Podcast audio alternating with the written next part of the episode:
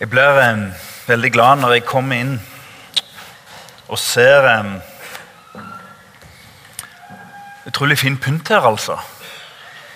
Eh, jeg kan ikke navnet på han, men det er, det, de er hvite. Og utrolig fine. Men det som gleder meg, det er det at noen ikke bare tar det på halv åtte med venstrehåndsarbeid, men legger litt i det. Tar ikke livet av seg heller men legger litt i det og skaper glede. Og Så blir jeg glad, fordi jeg går ned i kjelleren så ser jeg at det er noen elektrikere. Ja, mange, men spesielt to-tre elektrikere. Så Istedenfor å styre med sitt eget, så har de brukt uker som gikk over i måneder, som gikk over i halvår. Og har brukt mange, mange timer fordi de tenker at dette kan være med å drive Guds rike framover. Fordi vi tror at barn og unge har en framtid på Klepp bedehus. Har dere vært nede og sett? Har dere skrudd på lyset? Nei, jeg ser dere har ikke peiling. Jeg blir veldig glad for lov å være iblant sånne mennesker som gir av seg sjøl. Tar ikke livet av seg nødvendigvis, for det gir ingen mening i seg sjøl. Den tid får komme. Men legger litt i det og skape glede. Sist søndag òg fantastisk pynt her framme. Og det brenner seg inn. Herre Jesus, takk for at vi får være i et fellesskap. I glede. En glede som stikker dypt. En glede som overgår alt. Og så sier du i ditt ord som overgår all forstand, Herre. Og det er helt sant, for vi er samla for å feire at forstanden vår ikke når opp til din storhet. Du er konge, du er seierherre, og så er du vår tjener. Og da kan vi si, Herre, forstå det den som kan. Så takker vi deg for at Den hellige ånd viser stykkevis og deler av din storhet. Og det ber vi om at kan skje nå, i denne delen av møtet. Og Herre Jesus, enda mer så vil vi bringe fram forkynnelsen og nærværet og tilstedeværelsen for betvins og kongebarn og alt som skjer nå. Søndagsskole. Og så ber vi for alle kirker på jord, og spesielt de forfulgte. Og våre brødre og søstre på Klepp. Amen. Hvis vi får opp Filippene kapittel 2, er det noen som har hørt om det? Nå har vi brukt et helt år på Filippane 2. Og nå skal vi lese um, teksten for i dag. Men om jeg, og det er altså Paulus som sitter i fengsel, og skriver til filipperne Om jeg òg blir ofret når jeg gjør altertjeneste og bærer deres, altså filippernes, tro fram som offer, så er jeg glad og gleder meg sammen med dere alle. Gjør så dere det samme, vær glade og gled dere sammen med meg. Det var ikke lett å forstå den teksten. Offertjeneste sammen med meg og fram og tilbake. Og hva betydde dette? Um, jeg har lyst til å gi tre grunner til glede med en gang. Den ene grunnen til glede for en kristen er at eh, du og jeg får lov å gjøre om vanskelige ting til bønneevner. Tok du den? For vanskelige ting er der. Det, er ikke, det står ikke i Bibelen om prøvelser kommer. Det står når prøvelser kommer. Altså det kommer til alle mennesker. Prøvelser og utfordringer og vanskeligheter kommer. Og Jo eldre vi blir, så kan vi av og til kjenne at livet i bunn og grunn er fullt. Ikke bare at de kommer av og til, men av og til så kjenner vi at de er bare fullt med prøvelser. Det er liksom det som er realiteten. Når du ser bakover, når du ser i hvert fall ned nå Og så Når en løfter blikket, så klarer en ikke å løfte det opp på korset, men en ser bare problemer framover. Så Bibelen gir oss altså en rett til å omdanne problemer. Ikke sånn at de forsvinner, for vi driver ikke med lykkekristendom i fokus. Men vi kan omdanne dem til bønneevner. Og da står de i et større og et dypere perspektiv. Er ikke det en grunn til å feire? Jesus treffer en blind stakkar. Jeg tror vi kan kalle han det, for I sin samtid så var du altså en stakkar når du var blind på det viset. Og Det som skjer, er at Jesus er egentlig ganske frekk. I hvert fall i våre pedagogiske øyne i Norge i dag. Han stiller det frekke spørsmålet Hva skal jeg gjøre for deg? Er du helt sånn, altså? Ser du ikke han er blind? I dag ville vi sagt at det, ble pinlig på vegne av andre, akkurat i dette tilfellet Jesus. Hva vil du at jeg skal gjøre for deg? Ser du ikke han er blind? Og Da våkner følelsene opp. De har gått forbi den blinde stakkaren dag ut og dag inn. Men når det kommer en og spør hva vil du jeg skal gjøre for meg, da ble det liksom, det ble gjort på feil vis. Det er ikke det han sier, men det er måten han gjør det på. I dag er sannheten mindre viktig, bare du gjør det på rett måte. Og da lar vi heller være ting å gjøre ting, sånn at vi ikke gjør det på feil måte. Så Jesus er ganske frekk og stiller spørsmålet hva vil du jeg skal gjøre for, han, for deg. Jesus trengte jo ikke et svar for sin egen del, han som ser gjennom alle mennesker. Han så at mannen var blind. Jeg tror at Jesus visste at det var godt for mannen ikke bare å få syn igjen, men å få omdanne problemene sine til bønneemne. Jeg tror Jesus ville ikke frarøve han gleden av å vende blikket mot Jesus, og ikke bare få uten å kjenne og kanskje ved Den hellige ånd forstå dypere. Gud ville mer enn å gi han synet. Og Da kan vi kanskje si at bønnen, spørsmålet 'Jeg vil bli frisk', var like viktig som hele helbredelsen. Og Så er det flott å se, nettopp fra vårt kapittel, der det står om i bønner og påkallelse med takk, at en bønn i vår sammenheng er utrolig vid. Det er i lønnkammer, det er i fellesskap, det er i sang. Det er, og noe av det fineste av alt med sukk. Kjenner vi oss igjen? Du er så tom at det eneste du bringer fram for Gud, er navnet Herre Jesus. Så orker du ikke mer. Og så er kanskje Guds tilstedeværelse størst nettopp i det fattige sukket. ikke er det flott hvor stort Guds rike er? For en glede vi har. For en fest. En annen glede er at uh, vi har fått et løfte om Guds fred. Gammeldags ord.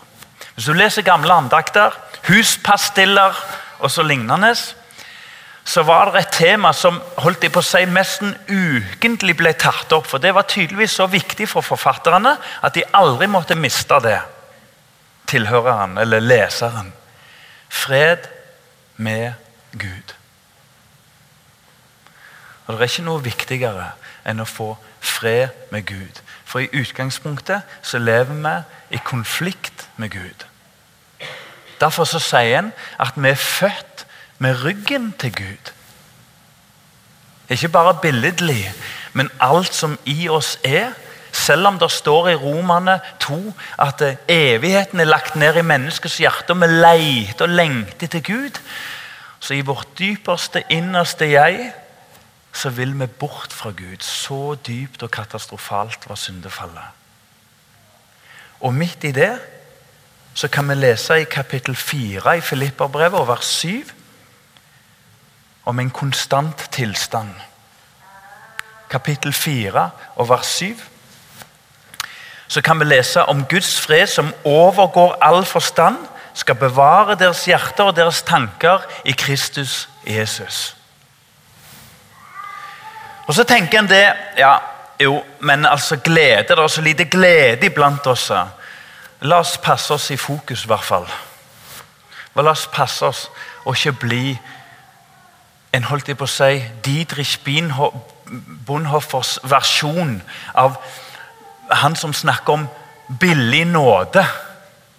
La oss ikke bli en sånn forsamling som har billig glede. Vi må være mer glad, liksom.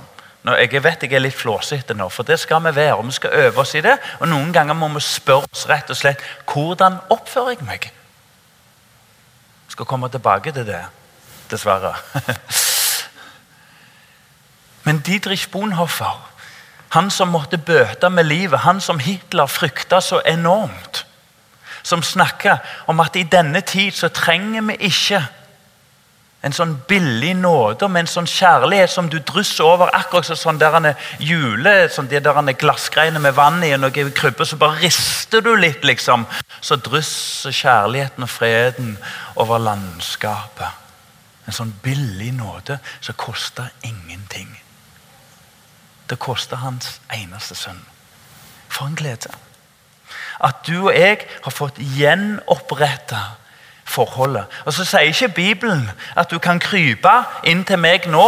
Jeg vil se dyp anger. Så sier Bibelen at foran Guds trone så skal vi komme hør, med frimodighet.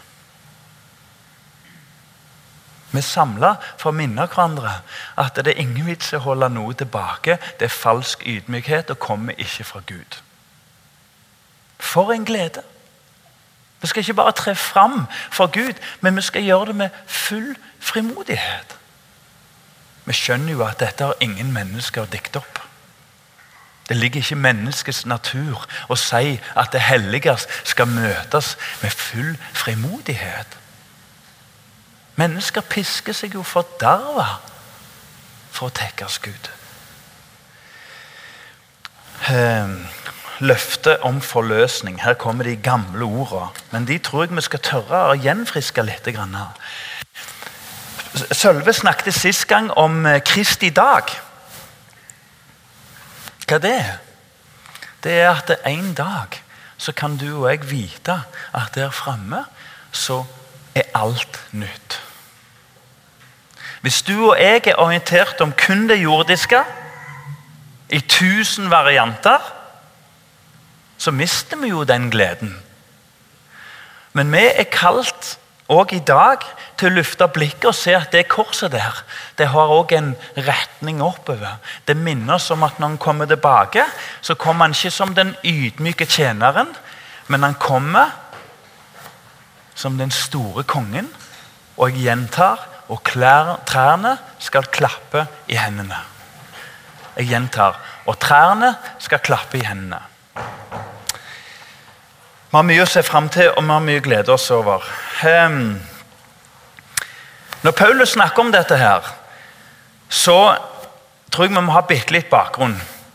Eh, kapittel 2 handler om at Kristus er et forbilde for oss, og han er en tjener. Og Paulus har tatt opp tjenermodellen. Han har innsett denne kapasiteten, denne rike mannen, denne utdanna mannen, denne respekterte mannen, har fått alt snudd opp ned. I Damaskus ble alt nytt. En mann kommer og gir han trøstens ord og gir han frimodighet til å vandre i Kristus. Og hva skjer? Han begynner å tjene Gud. Alt handler om å tjene Gud. Og mediet for det, eller objektet eller subjektet for de som kan grammatikk, dere får velge sjøl. Det er mennesker han sto i tjeneste for. Alt på en måte orienterte seg om andre mennesker. Og Derfor så sier han 'vær ett i Kristus'. sier han. Det står ikke at vi skal være enige, men kom sammen og vær ett i Kristus. Bøy dere under korset. For han er òg Herre. Og Dernest så fortsetter Paulus, og så sier han ikke ha dere sjøl i tankene.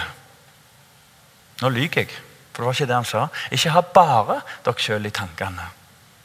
Det er godt å tenke på seg sjøl, men det blir liksom helt trist når en bare tenker på seg sjøl. Når pengene vi får, f.eks., bare går til meg. For jeg har bare utgifter. Og Jeg ser bare ikke at Gud har en større tanke og en større velsignelse for den som tror. Så sier Paulus tenk også på de andre. og Derifra fortsetter han så sier han se på Kristus. Og Så nevner han den hymnen som var den første sangen blant de nye kristne. Den store liksom slageren. Hillsong, hva er det? Hva er, hva er musikklagsvekkelsen? Hva er det? Nå snakker vi om ursangen, den store lovsangen, hymnen i Filipperne 2. Der det står at Jesus går en omvendt karrierestige. Han begynner på toppen, og så sier han jeg trenger ikke dyttes ut fra himmelen. Jeg, jeg sitter ikke her til dere tilbyr en fallskjerm, en pakke. Jeg kommer villig ned til jord. Jeg kommer villig ned til jord. Og så bare vandrer jeg ikke på jord, men jeg går dødens vei, skammens vei. Og så leier han på korset skammens tre. Forbannelsens tre. Han gikk en omvendt karrierestige, mens du og jeg albuer oss opp, og hele livet handler om sjøl å bli Gud. Det er en kraft som vil det. Så kommer Jesus og har preget Paulus så sterkt med en tanke om at Jesus' karrierestige går nedover. Og så, derfor, står det, skal Gud opphøye ham til navnet over alle navn. Og Så fortsetter Paulus. Når det en gang er sånn at dette er liksom Vi skal være som diakoner, mennesker som vandrer i støv, som vi snakket om tidligere i høst. Så står det at Paulus fortsetter med at eh, Eh, de, de, må Nå jeg, nå datt jeg helt av. Unnskyld. Paulus fortsetter med at de ikke skal murre i tjenesten. Og ikke gå rundt og være misfornøyde, misnøye, men uklanderlige rene. Og så står det, som vi hørte, en fantastisk tale av Wenche Lunde. Var det noen som husker den for de som var der? Om å skinne som stjerner på nattehimmelen. Jeg syns det var verdt å være med i et fellesskap i vinter. For jeg fikk en frimodighet til Aslak. Du, du trenger ikke gå med hua i hånda. Ydmykhet skal du være full av. Men å gå liksom og tusle rundt Du skal få lov blant dine nære med Guds veiledning og så skinne som en stjerne på nattehimmelen.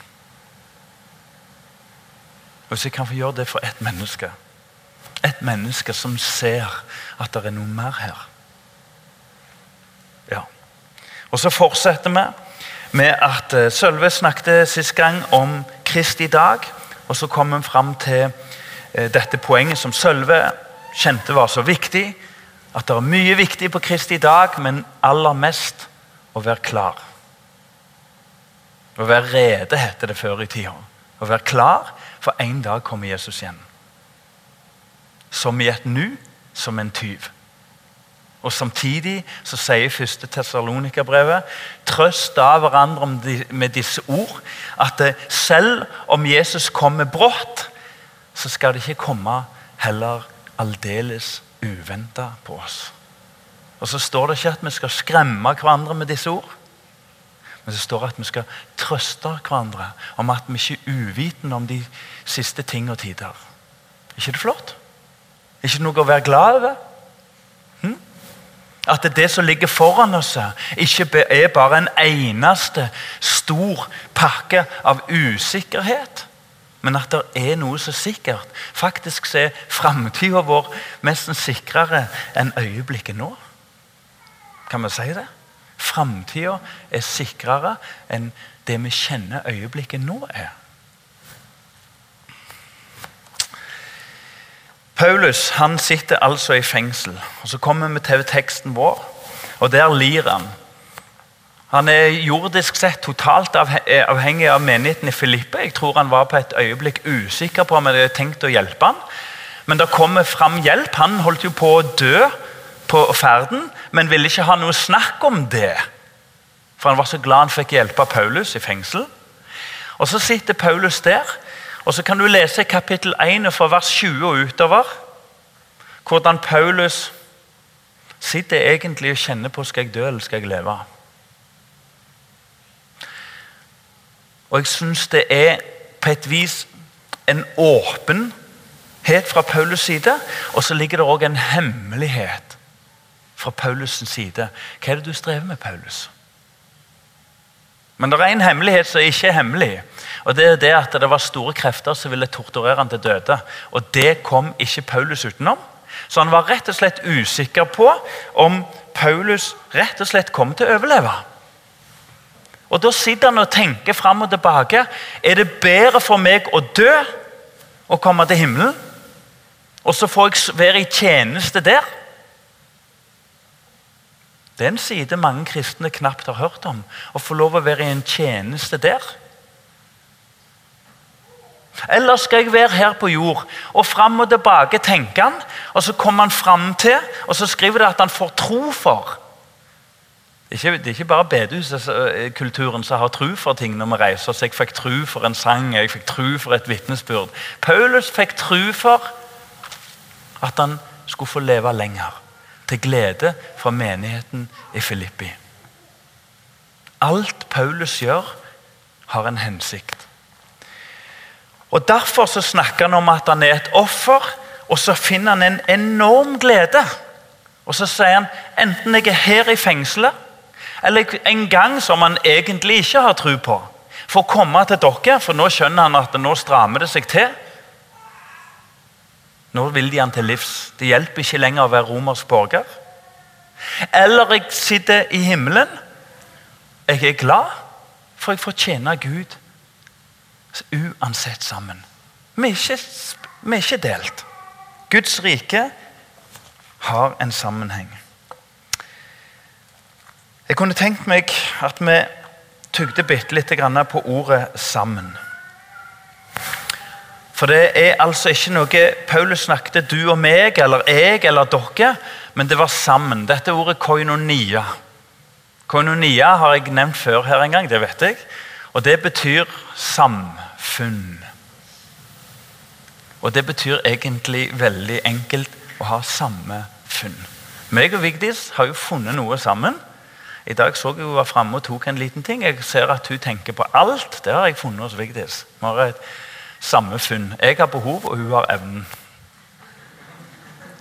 Samfunn. I Guds rike òg så er livet sånn at vi er ikke samla her i en glede som vi putter på hverandre. Men vi har jo gjort samme funn. Kristus. Der ligger limet. Der ligger limet. Um, en del av Arne Garborg han skriver som følgende, og jeg må jo innrømme at dette har jeg funnet på internett. Jeg sitter ikke og leser dype bøker av Arne Garborg. Da tror jeg, Men det vet dere. Hvorfor er folk så uglade? tenkte Arne Garborg på. Hvorfor er folk så uglade? De gjeng og venter sin glede fra andre. De skulle sjøl glede andre, så ble de glade.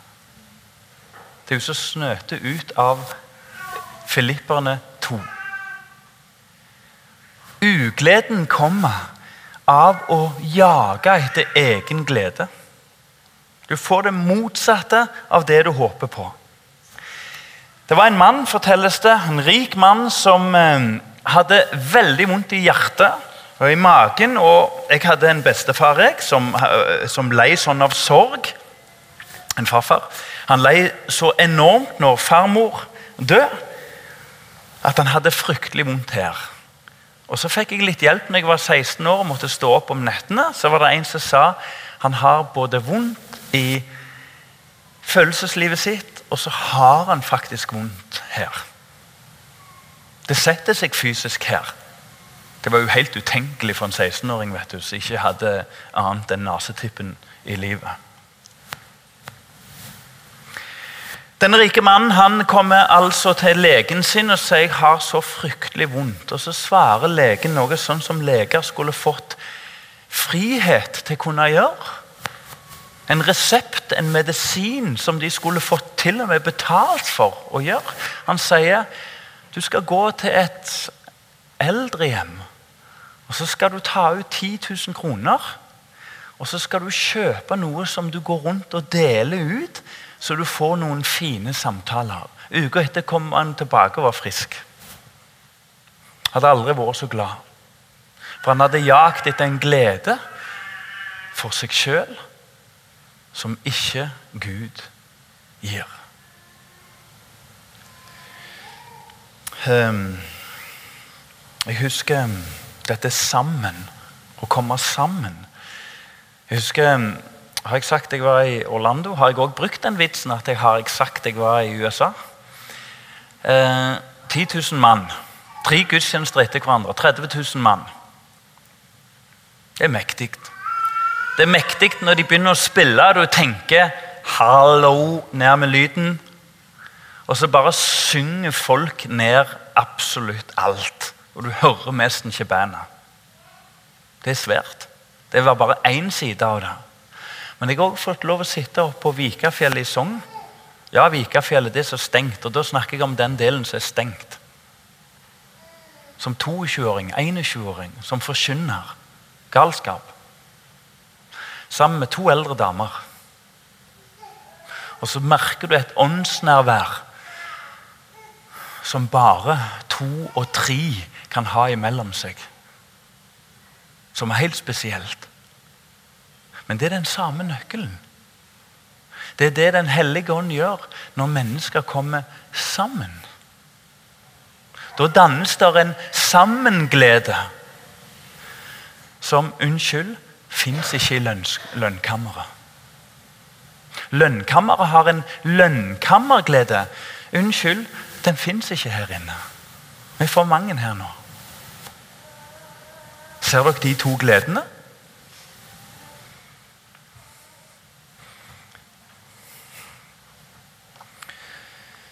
Og Så er det en sammenside til som jeg vil trekke fram. Og det er Jeg kunne tenkt meg at det vokser fram en kultur i hele Norge, og spesielt i Fokus. Og det er at vi lærte oss å begynne å gå litt i andre forsamlinger og menigheter. Store og små. Frikirka, Philadelphia, eh, Sion, kirka.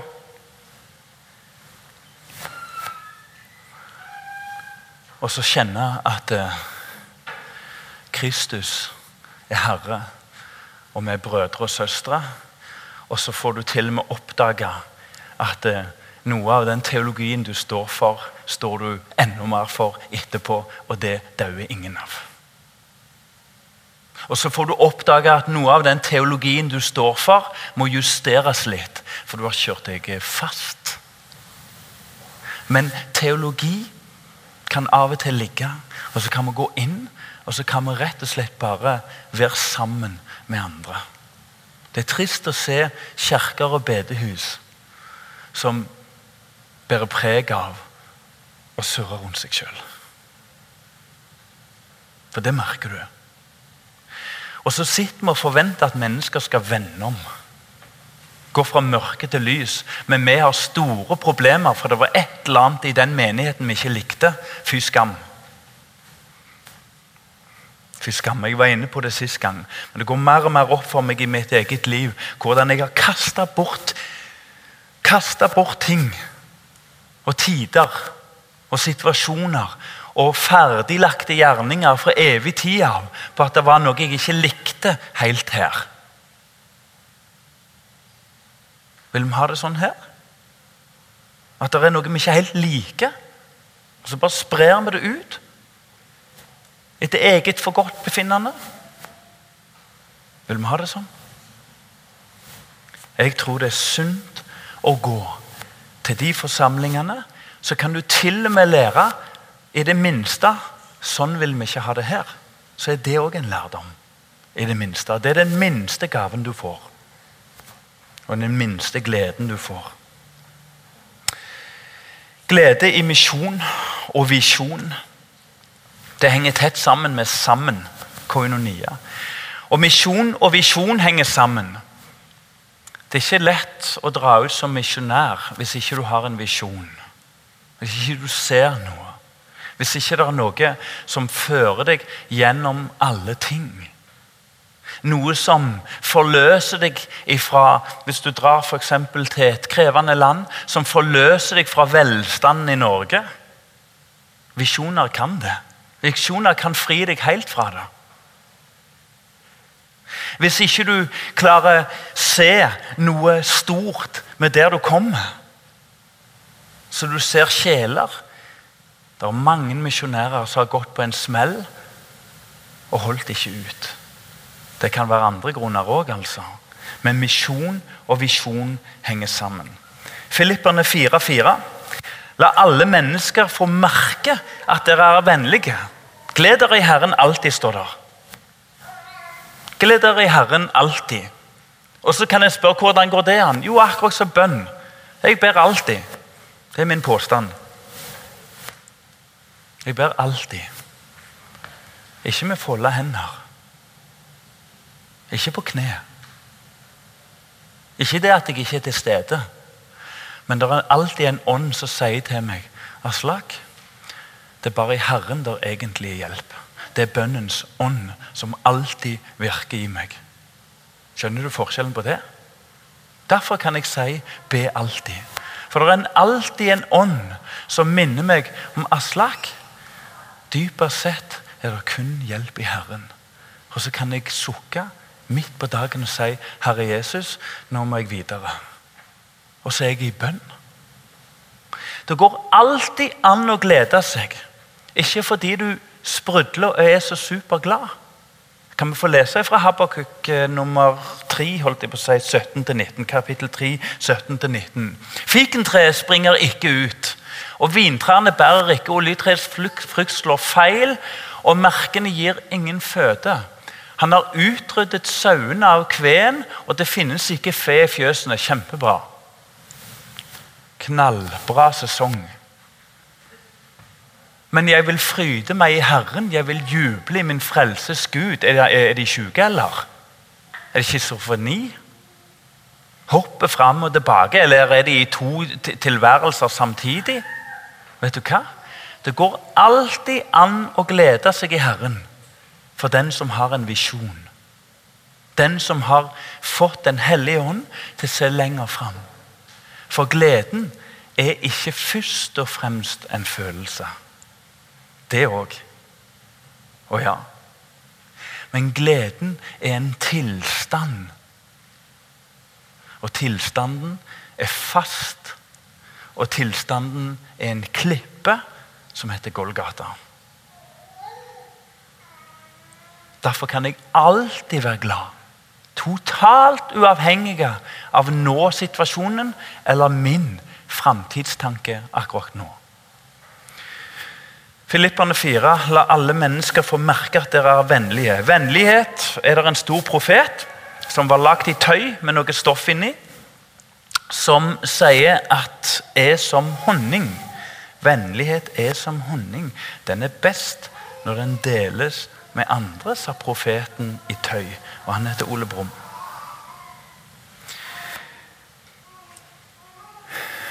Jeg møtte en kar for ikke så lenge siden. Og så vet han nok at jeg er kristen. Og så sto vi og jobbet litt sammen. Og så kommer det fra han plutselig, og litt rart. Og så sier han jeg syns det er så rart med narkoman og tyver og, og, og, og, greier og greier. For han hadde nok hørt jeg, jeg snakket med en som sitter i fengsel, og som er blitt frelst. da. Så han hadde fått med seg dette her. Bruddstykker av den samtalen. Jeg tror det er derfor. Og så sier han jeg syns det er så rart. Plutselig er det kristne, som er alt i orden. ja, det er jo det. Du har ikke sett det.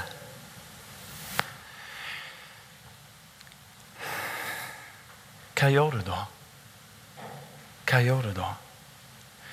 Tenk om du og jeg kan få bli moderne misjonærer i Norge i dag. Som kan få gripe anledningen til å hjelpe mennesker til å plutselig se livet sitt i et nytt perspektiv. Og Noe av det handler om kunnskap. Vi lever jo i en kunnskapsreligion. Bare du har kunnskap nok og sikrer deg nok, så skal livet gå bra. skal du se. Det er mamma og pappas store drøm for barna så kan du og jeg få komme med noe nytt. Noe gammelt nytt. og så kan vi få sette ting i en tidslinje. Det var en skapelse, og alt var såre vel. Og Gud likte det han så spesielt, menneskeskapningen. Og så var det et fall. Et sørgmodig fall. Et feigt fall og konsekvensen av et fall. Og så kommer det en gjenopprettelse ved Kristus. Og så kommer det en gjenforening på Kristi dag. Har du møtt det sjøl? Mennesker som du omgås med, til og med i nær familie, som trenger at du er misjonær og hjelper mennesker inn i en tidslinje som gir en dimensjon og en glede som akkurat som salmisten en ny sang som vokser fra innsida. Og da blir det ikke bare så er alt nytt, liksom. Ja, det er det det er. Det er det det er. Det var det for Paulus, og det er det for meg. Ja Jeg hadde en uh, situasjon. Jeg tror jeg tør fortelle det, for det er ikke mulig for dere å vite hvem det er. Som fortalte om en som han kjente, som kom så aldeles skjevt ut. Og det fikk så enorme konsekvenser for alle rundt. Så feiga jeg ut. Så tror jeg det var en ferdiglagt gjerning. Jeg tror at Gud skapte en mulighet, men jeg rygga. Pedagogen, vet du. Han vennlige som ble vennlig på menneskelig vis. Jeg rygga ut.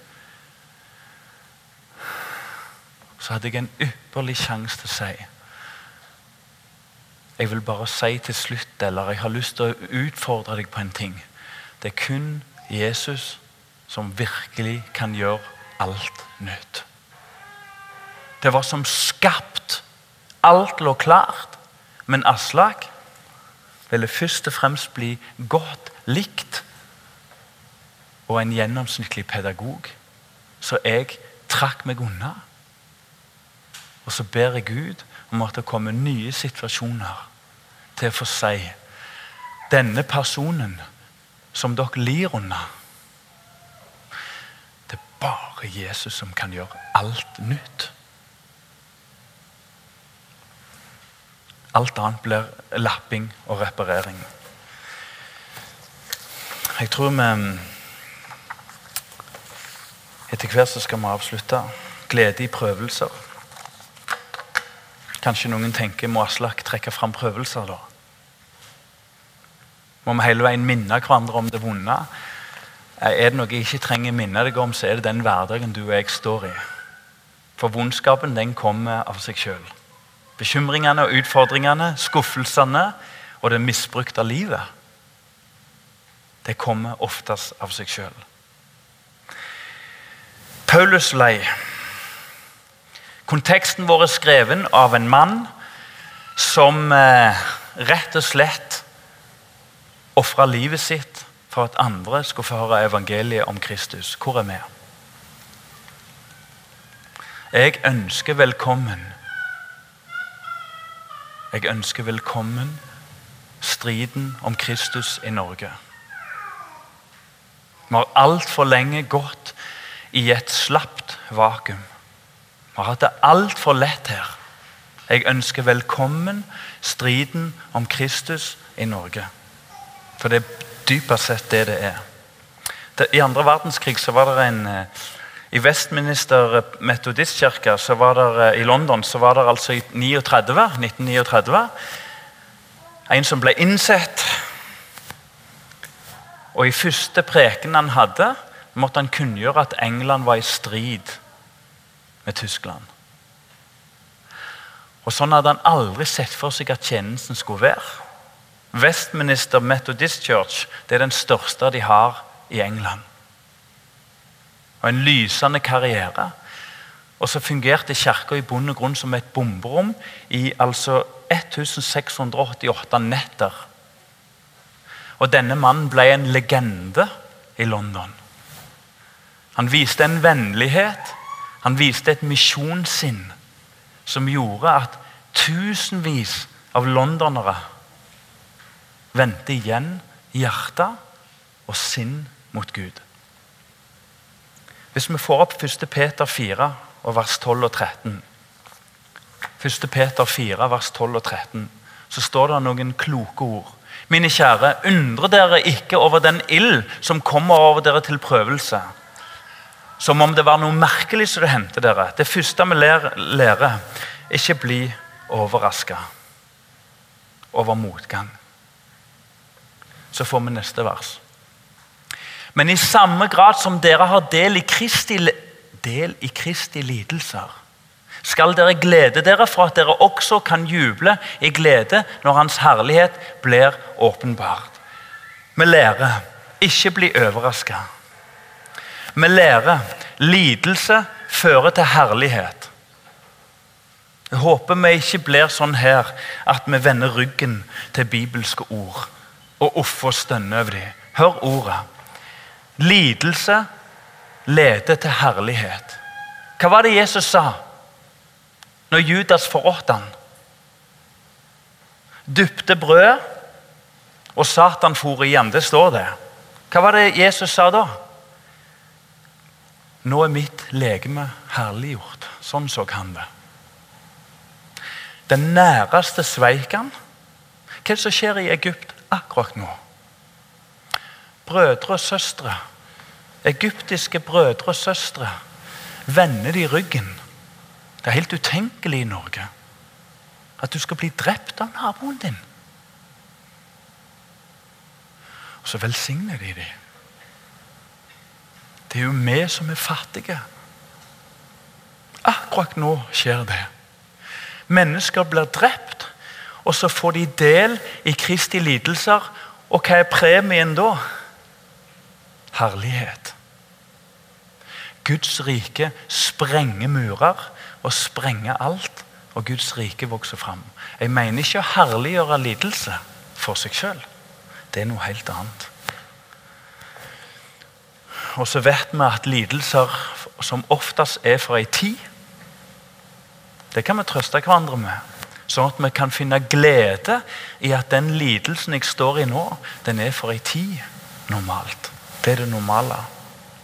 Og så kan vi lese Jakob 1, vers 2-4. Så kan vi lese at eh, mine brødre akter, akter for bare glede når det kommer i mange prøvelser. Så kan vi minne hverandre om at Gud sender ting som for oss er uforståelige, men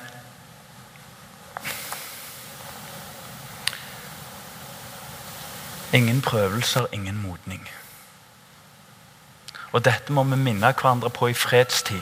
Det er ikke lett å si når mennesker lider, å si dette er fra Gud. Vi minner hverandre om det i dag. Ingen prøvelser, ingen modning.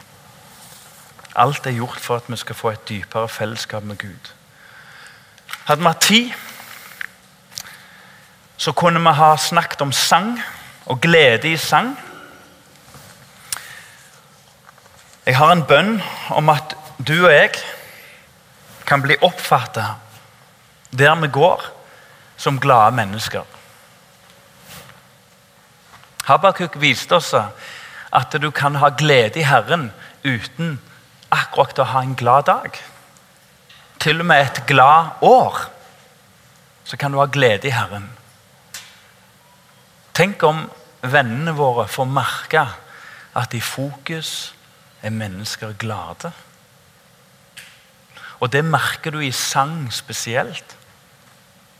Det sies at ateismen har ingen sanger. Har du tenkt på det? Hvorfor kom ikke den ateistiske bølgen i Norge med gladsanger? Det sies at kristendommen er kjent for den religionen med definitivt rikest sangskatt uten å vinne den kampen i seg sjøl, da. Når mismotet overtar, så stilner sangen. En liten morsom historie til slutt. Det fortelles om en papegøye. Jeg har til og med glemt navnet på han. Helt uinteressant. Det er egentlig eieren det handler om. fordi at uh, han kom for seg at han skulle rydde en morgen og feide over huset og tenkte jeg tar og, og rengjør buret, sånn som en av og til må. Og Så kom han på den glupe ideen at jeg vil bruke støvsuger. Jeg syns det, det var en god idé. Problemet er at eh, gode ideer blir felt av og til av telefoner. Når eieren kom tilbake, så lå jo papegøyen i støvsugeren. Og så Og det er nå jeg tenker var det en papegøye eller en undulat? og så eh, Snakk om å lyge, vet du. Og så ligger, støv, ligger han oppi støvsugeren, men tror du ikke han klarte seg gjennom det? Full av støv. Så panikken brer seg, og eieren vasker papegøyen og kaller og komme ned han. Og så stormtørker han den som en antireaksjon på det igjen. Og Så forteller han denne morsomme historien. Så kan jeg spørre hvor morsom han er. Så forteller han denne historien til venner, og så sier venner at eh, Hvordan går det med Jeg tror det var papegøye, da. Hvordan går det med papegøyen? Han lever, men han sitter helt stille og sier ingenting på ei grein. Tygg på den. Han sitter helt stille og sier ingenting på ei grein. Sang er et dypt uttrykk for vårt åndelige liv.